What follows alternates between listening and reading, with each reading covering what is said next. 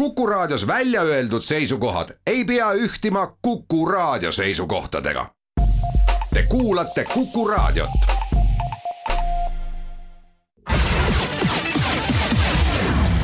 nädala Tegija.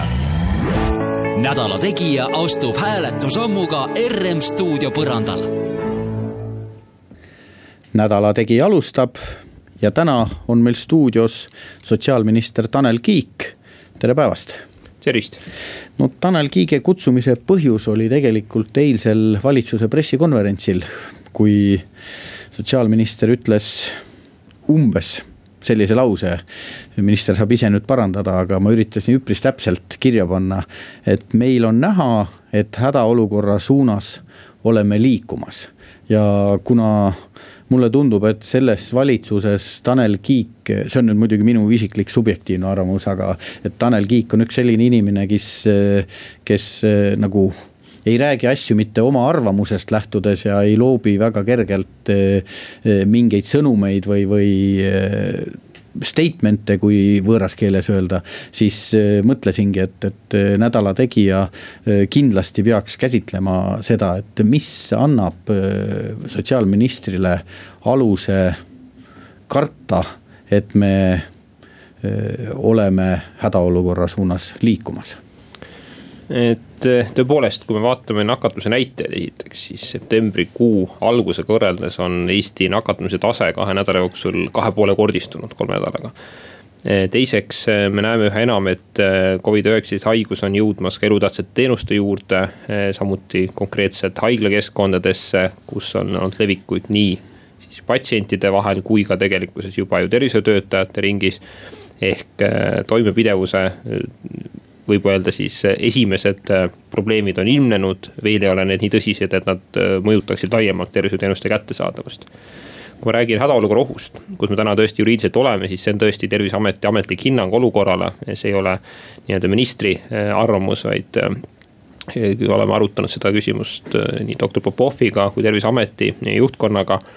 ja praegu ei ole terviseameti seisukorras, seisukoht see, et Eesti oleks veel hädaolukorda jõudnud, see pole ka minu seisukoht. aga senise trendi jätkudes hädaolukorra ohust ühel hetkel lihtsalt võib saada äh, hädaolukord, mis tähendab seda, et, et laiemalt on juba toimepidevushäired, laiemalt on küsimus patsientide vajaliku ravi tagamises, kättesaadavuse tagamises ja see puudutab mitte ainult ju Covid-19 haigeid, vaid lai, vaid tervisesüsteemi tervikuna. ehk meie jaoks on oluline just see, et me suudaksime seekord selle laine hoida ütleme siis kontrolli all niiviisi, et plaanilist ravi piirata, et eh, teiste erinevate tervisemuredega inimesed saavad eh, kvaliteetset kättesaadavat tervishoiuteenust ilma nakatumisriskita eh, endale või siis oma lähedastele või ka patsientid või ka tervisetöötajatele. kui nüüd vaadata selle viiruse kulgu, siis võib öelda, et eh, suvel tekkis noh, mingil hetkel tunne, et, et eh, kiiru-, viirus on taganenud. ilmselt need sammud, mis siin kevadel väga selgelt eh, piirangute kehtestamisega vastu võeti, andsid mingit tulemust. ja nüüd ühel hetkel tõepoolest on, ma ei taha öelda, et olukord on käest läinud, aga noh, selgelt on nagu haigum, haigestumisnäitaja kasvanud. kas eh, võib öelda, et inimesed muutusid liiga julgeks? et, eh, et ühelt poolt eh, valitsus, noh, ma saan õigesti aru, ei ole sel sügisel tahtnud korrata kevadisi otsuseid või, või kevadist stsenaariumi. aga et selle, sellest karmide keeldude ja piirangutest hoidumisega on inimesed justkui võtnud seisukoha, et eh, noh, polegi midagi hullu no reaalsus on see, et eh, suvel e-, Eesti järk-järgult asus leevendama erinevaid kevadel tehtud piiranguid ja see oli ma arvan, ainuõige. ehk ei olnud ka põhjust ju tol hetkel sellisel viisil enam võib-olla avalike ürituste keelul või, või väga väikestel osalejate arvul ei olnud ka põhjendust selleks, miks ei tohiks eh, tegelikult eh, suvisel perioodil inimesed ka meelelahutusasutusi külastada. Eh, laiemalt üritustel osaleda, loomulikult ka reisimist oli suvekuudel rohkem, seda on alati, see on arusaadav ja toona oli tegelikult viiruse levik maas mitte ainult meil, vaid kogu Euroopas. kui mäletate seda kuulsat kuuteteist saja tuhande elaniku kohta kahe nädala jooksul nakatunute arvuna. siis ei ole ju Eesti välja mõeldud ega Läti-Leedu välja mõeldud, see oli toona juuni alguses Euroopa Liidu keskmine. täna see Euroopa Liidu keskmine on seal saja ringis, me näeme, et ta on tegelikult tõusutrendis on mitmeid riike, kus ta on juba üle saja ja mitmeid, kus ta on seal kolmsada, mitmeid ei ole, tähendab Hispaania on konkreetselt kolmesaja juures ja, ja mõned riigid veel, mis veel lähenevad. ja kui vaatame Euroopat laiemalt, siis on veel riike, mille näitajad on isegi veel kõrgemad. ehk äh, olukord ongi drastiliselt muutunud äh, ning see on ka põhjus, miks me oleme järk-järgult asunud neid samu piiranguid või vähemasti sarnaseid piiranguid taas kehtestama, on see avalike ürituste osalejate arvu vähendamine, on see öine alkoholimüügi keeld selleks, et erinevates meelelahutusasutustes, ööklubides, keldrites just neid koldeid ära hoida, ennetada. ja samamoodi eh, erinevad piirangud seotud reisimisega ehk eneseisolatsiooni nõue kohaldub juba seetõttu, et lihtsalt eh, nakatumise tase Euroopas on niivõrd palju kõrgem. et see risk, et näiteks tuuakse haigus sisse mõned eh, puhkusereisid, ongi kasvanud sügisel perioodil kindlasti üleüldse reisimist, ma arvan, muidugi jääb tegelikult vähemaks.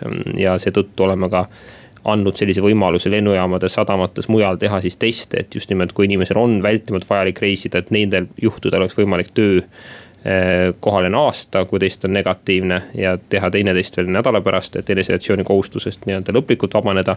aga laiemalt praegu on selge, et on periood, kus pigem on mõistlik olla kodumaal, eh, paremal juhul siin lähiriikides, me näeme Läti, Soome näitajad, Leedu näitajad on samuti madalad või madalamad kui Eestis. aga kõik sellised suuremad eh, on see puhkusereisid, ma hoiatan kohe ette ära, et eh, ka koolivaheajal minu soovitus ja sügav palve küll kõigile lapsevanematele on see, et eh, tehke need reisid seekord Eestis või lähiriikides ei maksa hetkel teha mingeid laiu kaugele ulatuvaid plaane. vastasel juhul võib tekkida olukord, kus tuleb nii endal kui lastel olla veel kaks nädalat eneseisolatsioonis, halvemal juhul nakatununa kodumaale naasta.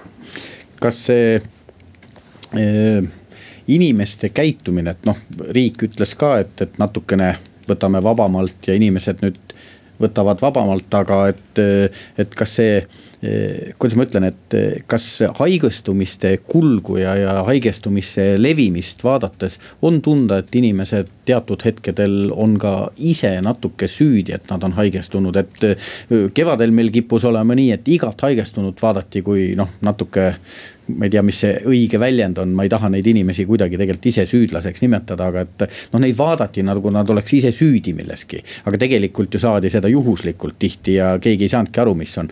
nüüd mulle tundub, et levib ka nii, et inimesed ikkagi noh, võtavadki teatud riske, mis võib-olla ei õigusta, panevad pidu liiga palju, et iseenesest sellise viiruse ajal võib-olla inimesed võiks olla alalhoidlikumad kuidas teile tundub? no ma olen veendunud, et Eesti elanikkonna valdav enamus tegelikult mõistab neid riske, saab aru nendest ohtudest. kahjuks alati on erandeid ja, ja neid erandeid on olnud kindlasti nüüd äh, sügisel rohkem kui kevadel, selles pole küsimustki. ehk me näeme, et on juhtumeid, kus minnakse nakkus äh, kahtlusega või ka reaalselt juba positiivse proovi järel peole, sünnipäevale, üritustele minnakse ka tööle. pärast põhjendatakse, et oli mured esimese kolme nii-öelda haiguspäeva hüvitamise teemal saamata aru, et need haiguspäevad jäävad tal hüvitamata ka siis, kui ta vahepeal nakatub veel viis-kuus inimest töö juures ja terve kollektiivi karantiini paneb. ehk tegelikkuses äh, käitutakse vastutustundetult, käitutakse hooletult õnneks see on vähemus, see on ka põhjus, miks Eestis ei ole see viiruse levik nii-öelda drastilisi mõõtmeid võtnud, aga me näeme tõesti konkreetselt faktiliselt kinnitatud juhtumeid, kus eh, ei ole olnud küsimus selles, et inimesel pole sümptomeid või pole olnud küsimus selles, et viirus oleks varjatult levinud, vaid on eh, suhteliselt teadlikult eh, käitutud mõtlematult. loomulikult selliseid näiteid tulebki tuua nii-öelda avalikkuse ette, ma ei pea silmas seda, et nimeliselt peab hakkama kedagi hukka mõistma, aga just nimelt meelde tuletamaks kõigile noortele, kõigile tööealistele, et viirus ei ole mingi nali, see ei ole väljamõeldis. Eh, kahjuks on väga konkreetseid juhtumeid samuti mulle teada, kus ehm, on eh, ühe noore või mitme noore õigemini mõtlematust käitumisest saanud alguse enda pereliikmete nakatumine. haiglaravi vajadus ja ka kahjuks siit ilmast lahkumine, ehk et tegelikkuses need on need kohad, kus me kõik mõtleme selle peale, mis võib olla meie kergekäeliselt langetatud otsuse tagajärg ja mind on natuke kritiseeritud, kui ma võrdlesin haigena tööle minekut Eh, purjuspeaga autorooli istumisega, aga ma jään selle võrdluse juurde. ehk eh, tegelikkuses see on täpselt samasugune olukord, kus ise mõtleme, et midagi hullu ei juhtu, teen selle lühikese sõidu ära. teine inimene mõtleb, et käin korra tööle ära. Eh, tegelikkuses me ei tea, mis võib olla selle otsuse tagajärg teiste inimeste eludele, enda elule. Need otsused tuleb teha kaine mõistusega. ja mm, nii nagu me ei lähe purjuspeaga rooli, nii nagu me ei lase sõpra purjuspeaga rooli, ei tohi me minna ka nakkuskahtlusega tööle veel enam positiivse koroonaviiruse testi saanuna siinkohal kuulame reklaami, jätkame juttu sotsiaalminister Tanel Kiigega pärast seda. nädala Tegija. nädala Tegija astub hääletusammuga RM stuudio põrandal. Nädala Tegija jätkab.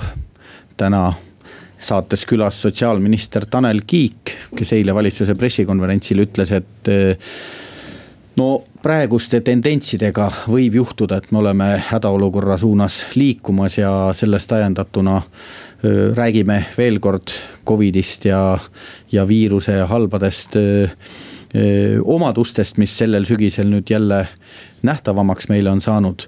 me eelmise veerandtunni lõpus jõudsime selleni, et on olnud ka selliseid juhte, kus inimesed tegelikult vastutustundetult on käitunud ja veel kord, jutt ei ole mitte nendest, kes juhuslikult on haigeks jäänud ja ise selle tõttu kannatavad, vaid inimestest, kes on saanud juba diagnoosi ja siis seda eirates ikkagi seltskonnas liiguvad.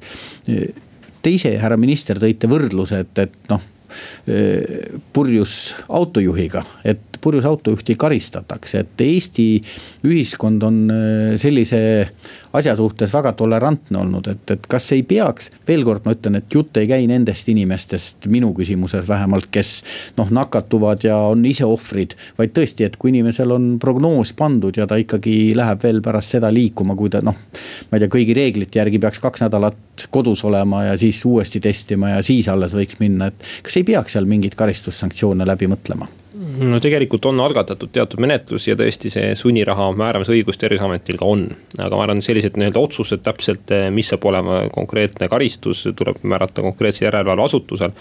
võib-olla tervisesektori eripära on tõesti see, et eh, üldjuhul alati ta toetub usaldusele, ta toetub vastastikusele koostööle.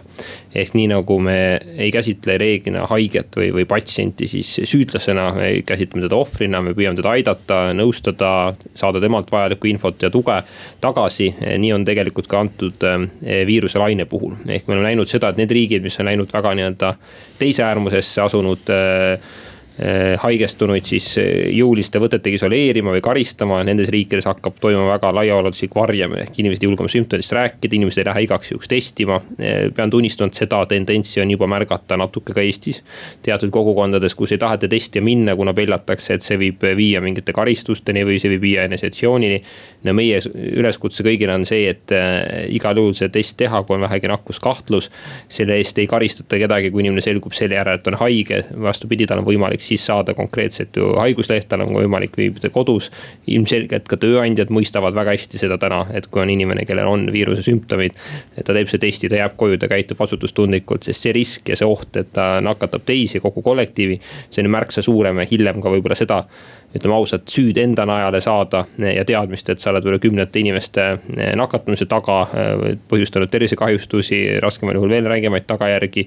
ja ka enda tööandjale väga laiaulatuslikke probleeme. et see on ju palju rängem, kui teha see üks koroonaviiruse test, jääda ise koju, eh, hoiduda lähikontaktist. ehk Eesti, mm, ma arvan hea selline vastastikune usaldus tervishoiusüsteemi inimeste vahel peab jätkuma edaspidi, me oleme jätkuvalt ju suunatud inimeste aitamisele, mitte karistamisele. aga need üksikud juhtumid tõesti, nende osas on ka teatud menetlusi alustatud ja, ja see on tõesti sel juhul, kui inimene juba väga teadlikult eirab talle kehtestatud eneseisolatsiooni kohustust, läheb haigena peole või, või tööle või teeb muid taolisi tegevusi, mis on tegelikult käsitletavad juba ju tahtliku viiruse levitamisena. räägime haiglasüsteemist ka, et saate algul oli jutt, et noh, et äh, kõik teeme, et, et asi ei läheks käest ära, kui suure pinge all praegusel hetkel meditsiinisüsteem meil on? Äh, nii nagu tegelikult kevadel on väga erinevalt, kevadel oli kõige suurem koormus nagu hästi mäletame Saaremaal ja toona tõesti tegelikult Saaremaa haigla, Kuressaare haigla täpsemalt poleks eh, saanud elu sees eh, üksinda kogu selle lainega toime tulla. seal tehti väga head koostööd nii Pärnu haigla, Tallinna erinevate haiglatega. Lääne-Tallinna Keskhaigla vajadusel PERH oli intensiivravi vajadus, samamoodi käis kohapeal arste ning lisaks suunasime sinna ju kaitse- ja välihaigla veel, et tegelikult eh, see oli üks hea näide ka sellest, kuidas kaitsevaldkond, tervisevaldkond kriisi ajal väga edukalt koostööd teevad hetkel üheski haiglas sellist kriisi ei ole. Het-, võib öelda, et praegu on kõige keerulises olukorras Ida-Viru Keskhaigla, kus on tõesti nakatunute arv Eh, üks kõrgemaid seal regioonis tervikuna ehk Ida-Viru maakonna nakatumise tase saja tuhande elaniku kohta on täna üle saja. ehk et ta on kolm korda kõrgem Eesti keskmisest ja konkreetselt ka haiglas viimastel andmetel, mis mul olid, oli neliteist patsienti, mis tegelikult Ida-Viru Keskhaigla jaoks on juba päris arvestatav koormus. täpsustan ennast täna hommikuse seisuga on isegi eh, jah, ikkagi neliteist jään selle juurde, ehk äh, tähendab seda, et on juba olnud olukordi, kus tuleb suunata patsiente siis Lääne-Tallinna Keskhaigla nakkuskliinikusse või siis Tartu Ülikooli intensiivravi vajadus. mis omakorda tähendab seda, et kui Tallinnas jälle nakatumine hakkab tõusma või mujal piirkondades, siis see seab omakorda koormuse Tallinna haiglatele. ehk kui juba viiruse võib öelda siiski laine võiks öelda varajases faasis on juba suuremad haiglad nagu Ida-Viru Keskhaigla keskhaiglana on eh, sunnitud hakkama oma patsiente ringi suunama, siis eh, pikas plaanis võib tekitada eh, probleeme tervikuna. hetkel me seal veel ei ole, nagu öeldud, eesmärk ongi seda ennetada, minu eilse sõnumi mõte polnudki kedagi hirmutada või öelda, et me oleme hädaolukorras, vaid nagu ma rõhutasin, me oleme juriidilises mõttes hädaolukorra ohus. me näeme seda, et senise trendi jätkudes äh, olukord äh, võib minna oluliselt halvemaks. ja eesmärk on see, et ta seda ei, ei teeks, ehk kõigi meie enda käitumine, vastutustundlik tegutsemine äh, näiteks ka terviseteenuste osutamisel kui on inimesel mure, et ta kardab, et tal on koroonaviiruse sümptomid, siis tuleb helistada perearstile, küsida saatekirja, minna testima. mitte minna erakorralise meditsiini osakonda, mitte minna lihtsalt arsti vastuvõtule, kus ta võib ühe väga lühikese visiidi käigus nakatada kümneid inimesi. Eh, patsiente, tervisemuredega inimesi, töötajaid ja tegelikult eh, tuu-, sellega panna kinni näiteks konkreetse korpuse või konkreetse raviasutuse ravitöö sadadele või tuhandetele inimestele. Eh, oleme ju kahjuks ka selles olukorras täna juba, kus siin on olnud haiglaid, mis on sunnitud olnud ajutiselt plaanist ravi konkreetsetes erialade lõikes eh, piirama, ajutiselt peatama ja ka siin alati on põhjuseks ju tegelikult üksikud haigestunud, mitte laiaulatuslik eh, kolle. ehk ühest üksik konkreetsest juhtumist võib saada eh, alguse väga laiaulatuslik probleem tervisesektorile. Eestis on kakskümmend haiglavõrgu haiglat, aga nende võib öelda osakaal ja nende noh, teenuse pakkumine on, on väga erinev. ehk et kui meil mõni konkreetne suurem Tallinna haigla peab oma ravitegevuse ajutiselt lõpetama või ringi korraldama, siis selle mõju on tegelikult tuhandetele inimestele. siinkohal kuulame reklaami uudiseid, jätkame Tanel Kiigega pärast seda. nädala Tegija nädala Tegija astub hääletusammuga RM stuudio põrandal. nädala Tegija jätkab räägime täna sotsiaalminister Tanel Kiigega ja teemaks ikka meid, võib öelda, ülemaailmselt laastav viirus ja see, et viirus on viimasel ajal ägenenud, mida me kõik ju teame.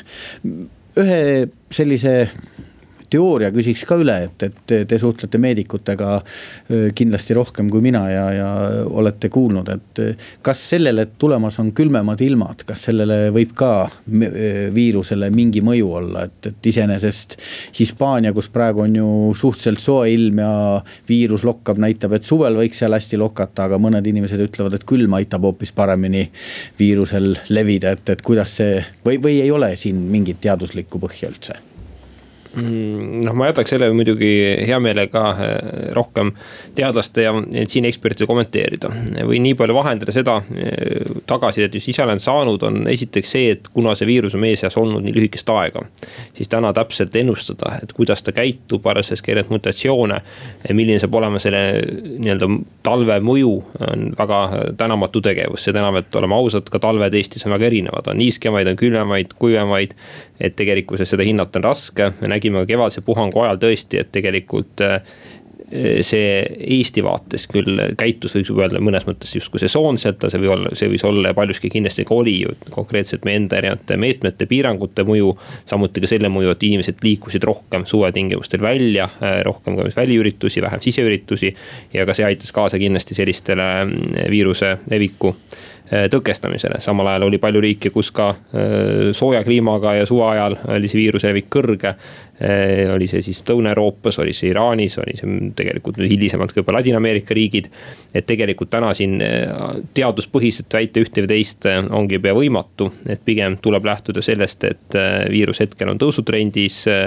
peame valmistuma igas mõttes nii-öelda maratoniks, ehk ei ole alust arvata, et aasta lõpuks on vaktsiin ja kõik on äh, nii nagu vanasti. et pigem me räägime vaktsiini puhul parimal juhul esimestest tarnetest aasta jooksul, äh, lõpus pigem uue aasta alguses ja sellisest laialdasemast vaktsineerimisest heal juhul järgmise aasta teises pooles ehk see tähendab seda, et meil tuleb suurusjärgus kaksteist kuud hakkama saada viiruse leviku tingimustes tehes ringi nii palju kui võimalik oma tegevusi, on see siis maski kandmine siseruumides, ühistranspordis, on see avalikel üritustel osaline ärajätmine, erapidude edasilükkamine.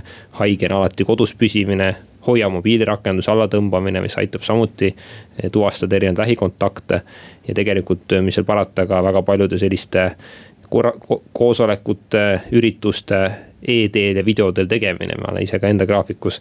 igapäevaselt salvestan mõne videotervituse mõnele konverentsile, üritusele või osalen e-teel mõnel koosolekul, see lihtsalt ongi mõistlik äh, ja antud juhul vastutustundlik äh, teguviis kommunikatsioon võtab järjest äh, nagu olulisemaid mõõtmeid ja, ja ma ei tea, et kui kevadel, no siis oli küll ka väga selge olukord. aga siis oli lihtne, et, et olid paar-kolm esindusnägu, kelle sõnumid äh, nagu olid inimesele arusaadavad, et vot kui need inimesed räägivad, siis asjad toimuvad. nüüd, kui näiteks kool algas, siis juhtus nii, et äh, noh olid, olid kevadel ka üksikud näited, kus kellegi sõnumid olid segased, aga üldine selline tunnetus mulle tundus, et oli paigas. nüüd kevadel või, või vabandust, sügisel on nüüd olukord äh, selline, et äh, enam noh, ma ei tea, ma loen ennast suhteliselt ratsionaalseks inimeseks, aga täpselt ei tea, keda jälgida ja keda, keda kuulata, et, et. et kui te nüüd ütlete, et on äh, praegu raadiot kuulamas inimene kes tahab saada, noh, kuidas ma ütlen, kontrollitud ja head nõuannet, et, et mis asju, mida ja kuidas teha. siis kes on need spetsialistid, keda ta peaks kuulama, et, et noh, kevadel oli Popov, Kadai, Lutsar ja noh. poliitikud käisid niikuinii, vahepeal mõni segas ka värvi, aga, aga üldiselt kui sotsiaalminister rääkis, olid nagu asjad selged. kes on nüüd need kõneisikud, keda, keda kuulata, et, et tõesti, et ära seda kõike, kõike ei jõua võtta no kindlasti eh, on kommunikatsioon igasuguse kriisi puhul väga olulise tähtsusega, seda üldse küsimärgi alla ei pane täielikku kommunikatsiooni ühtsust saavutada samas pea võimatu. seda usun, et kommunikatsioonivaldkonna inimesena hästi, hästi tajud. täna on sotsiaalmeedia, seal iga minister kirjutab kiiresti kohe. ja, ja no ega tegelikult ka kevadel oli neid sõnumeid ju erinevaid, ideid erinevaid ka tervishoiu valdkonna enda seestki. eriti kriisi alguses oli seal äärmusest äärmusesse näiteid, administratsiooni valitsusele soovitati, milliseid prognoose ka tehti. ta loksus paika. ta loksus paika nõus ja, ja kindlasti noh, kevadel oli ka see eriolukorra kehtestamine üks konkreetne selline suund, eriolukorra konkreetne juht valitsuskomisjon eh, täiendavalt selle juures Covid-19 teadusnõukoda ehk, eh, ehk tervisevaldkonna mõttes selle kriisi juhtimine oli, oli konkreetses kohas, terviseametil eeskätt selline nõustav roll, reaalselt rakenduslik roll, tegutsev roll ja, ja, ja otsuste langetamine kehti koostöös terviseamet, teadusnõukoda ja valitsus. täna on tõesti natuke teine olukord, me ei ole eriolukorras, me oleme nagu öeldud hädaolukorra ohus tervisealases mõttes. me teame, et me ei saa enam loota sellele, et see ühe-kahe kuuga vaibub, meil tuleb teha sellist pikema plaani koostööd. et noh, minu soovitus elanikele kindlasti on see, et eh, võtta väga tõsiselt terviseameti soovitusi, hinnanguid, eh, tagasisidet, kõige täpsem statistika, reaalsed numbrid, palju on haiglaravi inimesi. kus piirkonnas viirus levib, see kõik tuleb tegelikult terviseametilt, eh, kuulata teadusnõukoja liikmeid, nii professor Lutserit kui teisi auväärt äh, teadusnõukoja osapooli, professoreid ja terviseala valdkonna eksperte. kahtlemata doktor Popov on väga hästi kursis toimuvaga, ta tegelikult on täna ka terviseameti nii-öelda staabitöösse kaasatud. ta on käinud juba konkreetseid haiglaid külastamas, ka näiteks Ida-Virumaal, mida enne viitasin just selleks, et saada paremat ülevaadet sealsest olukorrast. samuti valmis äh, laiemalt haiglaid nõustama ja ka avalikkusele äh, sõnumeid jagama loomulikult ka valitsuse poolt tulevad sõnumid eh, on täpselt needsamad, mis on kooskõlastatud ja kokku lepitud terviseametiga. ehk eh, selles vaates eh, ma ütleks riigi poolt toimib see noh, kommunikatsioon ja sõnumite ühtlustamine minu meelest päris hästi. kui nüüd minna sellisele kohalikule tasandile, siis see ei ole üldse kriitika, aga see ongi eripära, ehk kohalikul tasandil paratamatult ongi olukord erinev. ehk et ühes vallas, ühes linnas võib olla parasjagu aktiivne nakkuskolle, mis pärast näiteks vallavanem või linnavalitsus otsustab ära jätta kõik avalikud üritused, piirata nende osalemist. kõrvalvallas sellist olukorda ei ole ja seal käidutakse veel rahulikult või kõrvalmaakonnas. ja see loomulikult üle elanikkonnas tekitab segadust, kui oled uudistes, et, et on suuremat sorti keelamised, pidurdamised ja sinu vallas samal ajal toimub õhtul mingi üritus, aga, aga see võib ka olla tingitud sellest, et viiruse levik on erinev, konkreetne olukord on erinev ja mis seal salata, eks ka inimeste reaktsioon on erinev, ehk kohalikud juhid on valitud inimeste poolt ametisse. Nende ohutunnetus ja arusaam, kui palju tuleb ennetada, on erinev ja tihtipeale võib öelda, et alguses mõni samm võib tunduda liiga jõulisena või radikaalsena ja tagantjärgi tarkusena võib see osutuda õigeks. me näeme kahjuks ka täna, et meil on ju reaalselt eh, linnavalitsustes juba reaalselt nakatumisi, meil on neid erinevates elutähtsate teenuste juures, meil on neid haiglatöös, meil on neid koolides. ehk ei ole kohta ja valdkonda, mida see Covid-19 puudutaks ja selles valdkonnas vaates on ka arusaadav, et omavalitsusjuhid võtavad ka enda territooriumil konkreetseid otsuseid vastu ja teevad seda tihti heas koostöös terviseametiga. ja see on väga tänuväärne, kui nad on seda tööd just niimoodi korraldanud, et enne oma korralduste väljasaatmist nad need läbi räägivad, siis ei teki ka sellist võib-olla kommunikatsiooni ebakõla. räägime ühest teemast, mida mul hea sõber käskis küsida. tema vaene mees peab töö pärast reisima et ma saan aru, et ta tegelikult üldse ei tahaks praegusel äreval ajal reisida, natuke vanem inimene ka juba, aga ta peab reisima. ja ütles, et valitsus on nüüd tekitanud otsustega olukorra, kus selle asemel, et normaaloludes ta saaks võib-olla hommikul minna õhtul tagasi tulla ja kogu reis oleks seal noh, kakskümmend, ma ei tea kakskümmend tundi või kaheksateist tundi ja, ja käiks ära, siis nüüd ta peab sellise reisi tegema nii, et, et lendab kuusteist tundi noh, ei lenda kogu see aeg, vaid, vaid vahemaandumistega ja mõnikord enam ei saa isegi ühe ümberistumisega, vaid kahega, sest. ka teised riigid on kuigi palju piiranud, aga Eesti on eriti, et miks need, miks need otselennud ja miks üldse see lendamise lubamine, et, et isegi eralennukiga ei tohtinud vahepeal lennata, et miks see, miks see, miks see Eestis äh, nagu nii karmilt on tekitatud, sellepärast et ma ei tea, ma ise mõtlen, et kui inimene peab minema siis vahepeal veel ööbima kuskil ja see kõik on nagu lisa, lisarisk, et, et, et tegelikult ma saan aru, hea on öelda, et ära mine puhkusele, kui mul sõber oleks kurtnud, et ta käib puhkureisil, ma oleks öelnud, sa oled ikka hull, et ma sinu asemel jätaks praegu kõik puhkamise reisid ära. aga ma tean, et mina ka oma tööga olen selle pooleaastase jooksul nüüd ühe korra pidanud reisil käima ja sul on hädavajalik olukord ja sa pead käima, aga vot miks see nii keeruliseks on tehtud see ei ole otse teie vastutusala, ma tean, aga, aga ma mõtlen, et ta mõjutab meditsiini ka. vastan, loomulikult. Eh, kui me seadsime kunagi need reisipiirangud, siis see taas on tegelikult hoopis teine aeg, ehk et eh, me panime viiruse eh, nii-öelda nakatumise taseme kahekümne viie peale saja tuhande elaniku kohta kahe nädala jooksul. see laekus Eestis, see number oli viie-kuue juures ehk kordades madalam ja see tundus relevantne, leppisime kokku tegelikult ka Läti-Leeduga sarnase praktika kasutamise. täna me oleme olukorras, kus Eesti number on seal üle kolmekümne viie, Euroopa keskmine keskmine saja juures ehk tegelikkuses selle kahekümne viie sihttasemele ei vasta pea ükski riik. me sellega lõikame Eesti ära tegelikult tõesti erinevatest ühendustest, oleme eraldi otsustanud, jäetakse kuus sihtkohta lahti, need on Frankfurt, London, Varssavi, Kopenhaagen, Riia ja Helsingi. et teatud lennuliinid säiliksid, aga ma olen nõus sellega, et see lennupiirangute eh, reegel on eh, ajale jalgu jäänud eh, kaks varianti on, see kas täielikult tühistada või selgelt ringi teha, ajakohastada. ehk vaatame kasvõi meie lõunanaabrit Lätit, kus viiruse tase on Euroopa üks madalamaid, kui mitte kõige madalam, nad seal rebivad seal kord vahepeal Küpros peal ja, ja, ja Läti teine ja, ja vastupidi. täna vist juhib Läti taas, ehk Eh, seal on reegel, et kahekordne Euroopa keskmine siis teatud ajaperioodil oli lubatud. mis tähendab seda, et toona, kui see kokkulepe tehti, see tase oli kuskil üheksakümmend ja me näeme, et see otsus ei ole toonud kaasa mingit nakatumise taseme tõusu. et pigem tõesti see lihtsustab elanikel liikumist, et ma arvan, ka Eestis on mõistlik see sihttase kas seada oluliselt kõrgemale või see teha täielikult ringi. arvestades ka seda, et enam ei ole suveperiood, enam ei räägi tõesti puhkusereisidest, me ei räägi sellest, mis oli selle viiruse piirangu mõte enne, et, et hoida ära olukorda, kus inimesed lähevad kõrge nakatumise tasemega riiki puhkama ja pärast tulevad tulevad sealt siis kodumaale. et äh, pigem suunata inimesi nendesse kohtadesse, kus on ohutu, mis oli tegelikult ka loogiline ja põhjendatud. ja teiseks, me oleme vahepeal muutnud ka selle ära, et on võimalik ju lennujaamades, sadamates ja laiemalt välismaalt saabudes ennast testida. teha üks test ja saada võimalus siis negatiivse tulemuse korral tööle minna ja nädala pärast teine test teha, kui see ka negatiivne on, siis juba laiemalt eneseisolatsiooni vabastus. see ei puuduta haridusvaldkonda, see puudutab tööd ja muid valdkondi. ehk äh, me oleme tegelikult praktikat muutnud, me näeme seda, et viiruse levik on teine ja me oleme ka ajaliselt teises faasis, ehk me ei ole enam mitte suvekuudel, vaid sügisel, kus tõesti usun, et ei ole ka Eesti elanikud Äh, tormamas äh, kuskile soojamaa reisile keset äh, tööperioodi, teades, et kui seal riigis on nakatumise paarsada või kolmsada saja tuhande elaniku kohta, et keegi ei soovi endale seda viirust saada. ja pigem tehakse neid reise, mis on vältimatult vajalikud, on see pereliikmete külastamised, on need tervisealased põhjused, on need seotud tööga. ja neid reise ei tohiks tõesti kuidagimoodi ebamõistlikult keeruliseks muuta, nii et ma väga loodan ja mina väga siin toetan ka majandus-kommunikatsiooniminister Taavi Aasa, kes on ka samuti öelnud, et need piirangud tuleb kiiremas korras ringi vaadata võib-olla, mis on olnud see ajaline põhjus, miks pole seda arutelu jõutud põhjalikult pidada, on see, et paralleelselt on toimunud riigieelarve läbirääkimised, Euroopa Liidu vahendite läbirääkimised. ehk see nii-öelda teemade ring, mis on valitsuse laual olnud, on väga suur. ja see konkreetne reisipiirangute säte on võib-olla jäänud nüüd ootama äh, põhjalikumat arutelu. no viige igal juhul valitsusse teadmine, et see tõesti väga, väga piirab reaalselt kasvõi seda, et inimesed saaks makse maksta. aga siinkohal kuulame reklaami, jätkame Tanel Kiigega pärast seda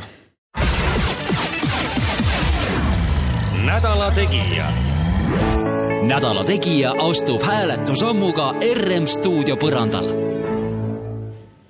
nädala Tegija jätkab, räägime täna sotsiaalminister Tanel Kiigest ja kohe kurb on, et järjekordselt peame rääkima viirusest, aga meid kõiki see mõjutab ja, ja kindlasti on ka küsimusi, mis inimesed, millele inimesed vastused peavad saama. No maskid ilmselt ilmselt ei ole siin ka midagi uut, aga, aga selle teema peab läbi käima, et viimasel ajal on väga erinevate koolkondade esindajad välja ilmunud, kui me võib niimoodi meditsiiniinimesi öelda, et kes ütlevad, et. et pigem meditsiiniinimesed ütlevad, et, et sellest on kasu, kindlasti ongi. aga teiselt poolt on juristid, kes ütlevad, et, et see ikka ei ole nii lihtne ja seda kohustust panna on keeruline ja lõpuks tekib ju küsimus, et. kes maksab ja kuidas see asi üldse toimub, et millised tunded on siin sotsiaalministeeriumil praegu? ja alustades sellest, kas maskist on kasu või ei ole kasu, siis eh, loomulikult tast on kasu, ega teda tervishoiusüsteemis loomulikult muidu ei kasutataks. Eh, tulin just värskelt eh, Viru konverentsikeskusest, kus Eesti Akadeemiline Farmaatsia Selts korraldas ühte konverentsi seal oli samuti kokkulepe, et kõik osalejad äh, kannavad äh, maske ja pean tunnistama, et äh, saalis oli see praktiliselt sajaprotsendiliselt täidetud. võis olla üksikuid erandeid, mis võivad olla ka põhjendatud meditsiiniliselt. aga see oli nii osalejatel kui esinejatel, kaasa arvatud mul ja ma arvan, et selle võrra kõik andsid ka oma panuse selleks, et äh, siseruumis toimuv üritus oleks võimalikult nakkusohutu. ehk äh, minu soovitus küll inimestele on, et kui olete rahvarohketes kohtades, liigute ühistranspordis, siis äh, võimalusel maski kanda. ma ütlen võimalusel, ma saan aru, et majanduslikel põhjustel või meditsiinilistel põhjustel see ei pruugi olla alati võimalik, aga tegelikkuses me näeme seda, et nii Covid-19 teadusnõukoda kui terviseamet kui tervisevaldkonna väga selge domineeriv enamus ütlevad, et sellest on kasu, ta aitab ära hoida teiste nakatumist sinu ümber. ta aitab sinu enda tervist kaitsta ja ta on selline üks usaldusmeede paljude seas, ta ei ole mingi imerelv, ta ei ole noh, nii-öelda. Eh, ta ei, ta ei anna sulle mingit õigustust käia haigena ringi, aga, aga ta tõesti siiski kaitseb ja aitab see viiruse leviku tõenäosust eh, vähendada kohustusest rääkides, palju küsitakse, miks tehakse, kas tehakse, millal tehakse Eh, siin on tõesti olnud eh, tervisealane aspekt ehk milline mask, kas me räägime kirurgilisest maskist, räägime näo katmisest, mis tahes maskist. Eh, majanduslik pool ehk, et kes selle sel juhul kompenseerib eakamatele inimestele, madalamapalgalistele. ja kolmas on juriidiline pool, kus on selgelt tõusetumas praegu debatt, et kas Eestis üldse on seaduslik õigus sellist kohustust kehtestada. minu võib-olla sõnum ja soovitus inimestele on, et ärge oodake alati kohustusi, keelde ja käskusid, ehk äh, selle panu saab igaüks anda ise, selle otsuse saab teha igaüks ise. ei ole vaja seda, et, äh, et konkreetne üritus valitsuse otsusega keelatakse, ei ole vaja seda, et konkreetne tegevus valitsuse otsusega kohustuslikuks muudetakse. kui me teame, et see on mõistlik ja me teame, et miski ei ole mõistlik, näiteks äh, rahvarohke sünnipäeva korraldamine siseruumides, siis meil on võimalus see otsus ise langetada ja võtta ka vastutus enda kätte kaks tuhat kakskümmend üks eelarve on, ma tean, et teil ei ole veel kuidas see lause on, et eelarves ei ole midagi otsustatud, kuni kõik ei ole kokku pandud ja selle tõttu ei, ei taha hakatagi eh, eelarvest rääkima, aga, aga ma mõtlen eelarvest kui tervikust, aga eh, iseenesest eh, kogu see viirusevastane võitlus nõuab teatud rahasid ja mulle tundub, et ta nõuab teatud kohtades ka nagu eraldi suhtumist või eraldi vahendeid ja, ja meditsiinisüsteem võib väga tubli olla, aga teatud kohustused on ikkagi sellised, et neil on kõrvalt vaja. kui te nüüd olete pidanud kaks tuhat kakskümmend üks eelarves noh, selle viirusest tingitud kulude üle arutlema, et, et noh, ma olen näinud, ma olen poliitikas olnud, ma tean, et teinekord käib lehmakauplemine ja käib selline kauplemine, et saadad selleks raha, aga näed, mul on siin selline asi ja kunagi vist keegi teie valitsusest ütles lausa sellise laheda lause, et, et noh, vorst sulle ja vorst mulle kas on tunda, et valitsuses selle Covidi rahastamine on tõstetud noh, nagu eraldi teemaks, et tõepoolest, see ei ole mitte Keskerakonna huvi, see ei ole minister Kiige huvi. et meil on, see on nagu üleriiklik probleem ja see ei käi sellise lehmakauplemise või ma ei tea, mis see ilusam väljend on, aga et. et selle alla, et, et või on nii, et minister Kiik on selle suure murega ja võitleb teistega ühes järjekorras kuidas see tunne on, noh. eelarve peab olema kolme tööpäeva pärast riigikogule üle antud, et mingi feeling peab olema olemas. ja absoluutselt, kui me vaatame nüüd kevadist perioodi ja tegelikult ka nüüd suvist ja sügist, siis eh, loomulikult valitsus soovib teada, kuhu miski eh, raha kulub, mis on selle eesmärk, mis on see põhjus. aga eh, ma tunnistaks küll, et, et siin ei ole keegi tulnud minu juurde või peaministri juurde ettepanekuga, et teeme siin mingisugust kaupa, et, et ühele teine raha, teisele teine, kõik saavad aru, et Covid-19 kriis on ainulaadne olukord. on see testimiseks vajalikud vahendid, on see haiglates ravitööks vajalikud vahendid, on see olnud äh, teadusuuringud, mida on tegelikult korduvalt tehtud, need rahad on kõik tegelikult eraldatud, eraldati kriisi ajal. haigekassa kasutas väga vastutustundlikult neid, kuna kevadine kriis osutus isegi kardetust leebemaks mis seal salata, see on positiivne. siis jäi ju tegelikult suuruses pool vahenditest toona kasutamata, aga ei olnud ühtegi kohta, kus oleks jäänud raha taha mõni ravitegevus, vajalik testimine. ja täpselt samamoodi ka testimiskorraldusega, et valitsus on eraldanud kokku nüüd koos eile langetatud otsusega eh, sel aastal kolmkümmend miljonit eurot testimise korraldamiseks. ja keegi ei käsitle seda niimoodi, et see on Tanel Kiige raha. kõik saavad aru, et ega ma iseennast ei testi kolmekümne miljoni euro eest, see on Eesti elanikele tasuta testimise tagamiseks nii patsiendidele perearsti saatekirjaga kui ka näiteks välismaalt naasnud naasnutele, lähikontaktsetele. ja see on üks oluline meede, mis on aidanud meil seda viiruse levikut äh, vaos hoida. et loomulikult mul on esitatud omajagu taotlusi ka riigieelarvesse äh, järgmiseks aastaks. Äh, nende lõplik jaotus ja täpsed summad saavad paika tõesti lähiajal, järgmise nädala alguses, kui valitsus annab üle riigieelarve parlamendile. aga ka siin on, ma ütleksin, valitsus olnud aruteludes, debattides igal juhul mõistlik ehk ka mõistnud ja aru saanud sellest, et selle viiruse ohjamine, vaos hoidmine, inimeste ravi pakkumine. et see ei ole mitte ainult kellegi poliitiline huvi või, või mõne ministri huvi või valitsuse huvi. see on ikka kogu Eesti riigi, Eesti rahva huvi ja, ja sellistes kohtades tuleb olla päevapoliitikast üle. seda on hea kuulda solidaarsusest tahaks korra rääkida, et meil on väga vähe aega jäänud ja kahju, et selleks aega vähem, vähe jäi, aga.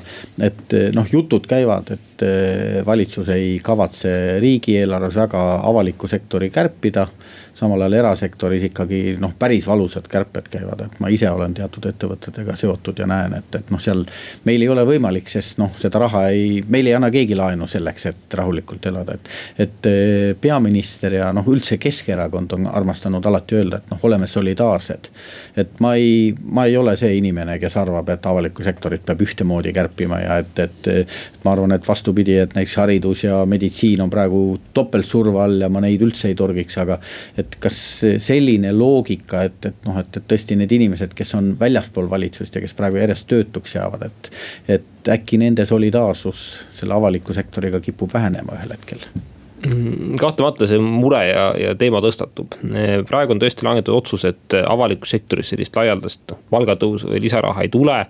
Äh, mis saab nii-öelda kärbetest, see loomulikult sõltub eelarve läbirääkimistest, on kohti, kus on võimalik kokku hoida, on kohti, nagu õigesti viitasite, kus seda kriisi ajal teha oleks vastutustundetu, et kindlasti me ei saa minna tervishoiusektorit, siseturvalisust, haridusvaldkonda kärpima. me teame, et see väljakutse, mis oli kevadel ja mis nüüd tegelikult sügisel ees seisab, on tavapärasest niigi koormavam, eh, ressurssi nõudvam. aga see, et vaadata üle üleliigset bürokraatiat, vaadata üle seda, et kus on kohti, kus ka võib-olla ametkonnad on kasvanud liiga suureks, see on arusaadav, seda tuleb teha solidaarselt eh, avaliku sektori sektoriga, vabandust, erasektoriga. aga seda, ma arvan, tuleb teha aastaringselt, mitte ainult äh, kriisi ajal. aitäh, Tanel Kiik. soovin jõudu teile ja valitsusele. aitäh, hoidke tervist. nädala Tegija. nädala Tegija astub hääletusammuga RM stuudio põrandal